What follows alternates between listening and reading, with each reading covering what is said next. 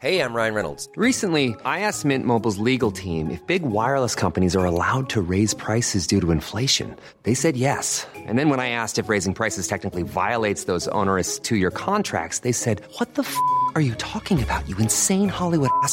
So to recap, we're cutting the price of Mint Unlimited from $30 a month to just $15 a month. Give it a try at mintmobile.com slash switch. $45 upfront for three months plus taxes and fees. Promo for new customers for limited time. Unlimited more than 40 gigabytes per month. Slows. Full terms at mintmobile.com.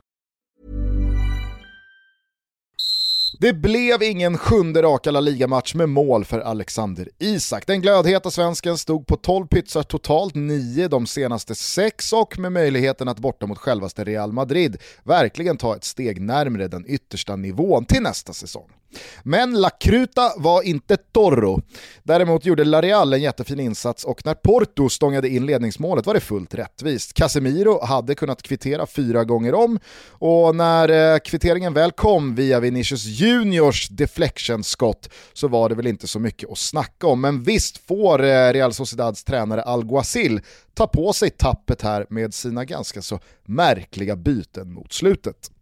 Tappade Real Madrid-pinnar toppade av en kanonhelg för serieledande Atleti som stånkigt, brunkigt och långt ifrån vackert slog Villarreal på bortaplan och bärgade blytunga tre poäng att sätta in på kontot. Barca hakade definitivt av Sevilla från titelstriden med övertygande 2-0 på Ramon Sanchez Pizjuan och Lionel Messi satte kniven i skytteligan en gång för alla. Vi tar oss till eh, England där Chelsea och Manchester United återigen spelade 0-0 i en ganska dålig fotbollsmatch. Känslorna efteråt handlade om Uniteds uteblivna straff, men som hans regeln numera lyder, tror du att eh, det du ser ska innebära en 11 meters spark så ska det inte vara straff. Och så tvärtom. Fnyser du åt vad ögonen tar in och bara skakar på huvudet så kommer konsekvensen med största sannolikhet att bli stralle och eventuellt även rött kort.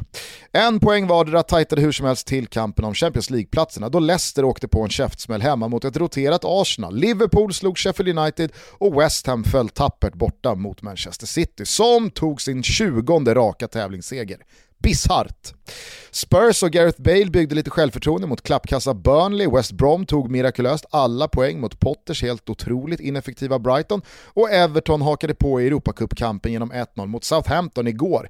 Serieledarna från i höstas, ja, Southampton ledde faktiskt serien där ett tag i höstas, är nu, givet att Fulham fortsätter ånga på, lite halvt indragna i bottenstriden. Men så blir det ju när man vinner fotbollsmatcher lika ofta som Wilbur José letar extra priser.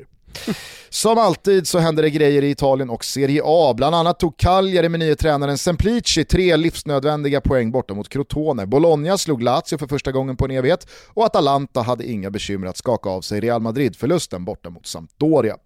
Juventus tappade överraskande ledning till poängförlust mot Hellas Verona och då Lukaku bara behövde en halv minut på sig för att göra mål mot Genoa känns nu den gamla damen och regerande mästaren bortkopplade från scudetto-striden.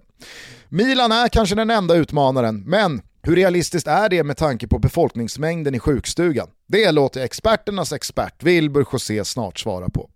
Segern mot Roma var i alla fall imponerande och var det något jag såg på Stadio Olympicos gräsmatta och lämnades med så var det ett lag som inte tänker ge sig utan strid och ett lag som lite för enkelt viker in den och viftar vit flagg när det börjar blåsa snålt.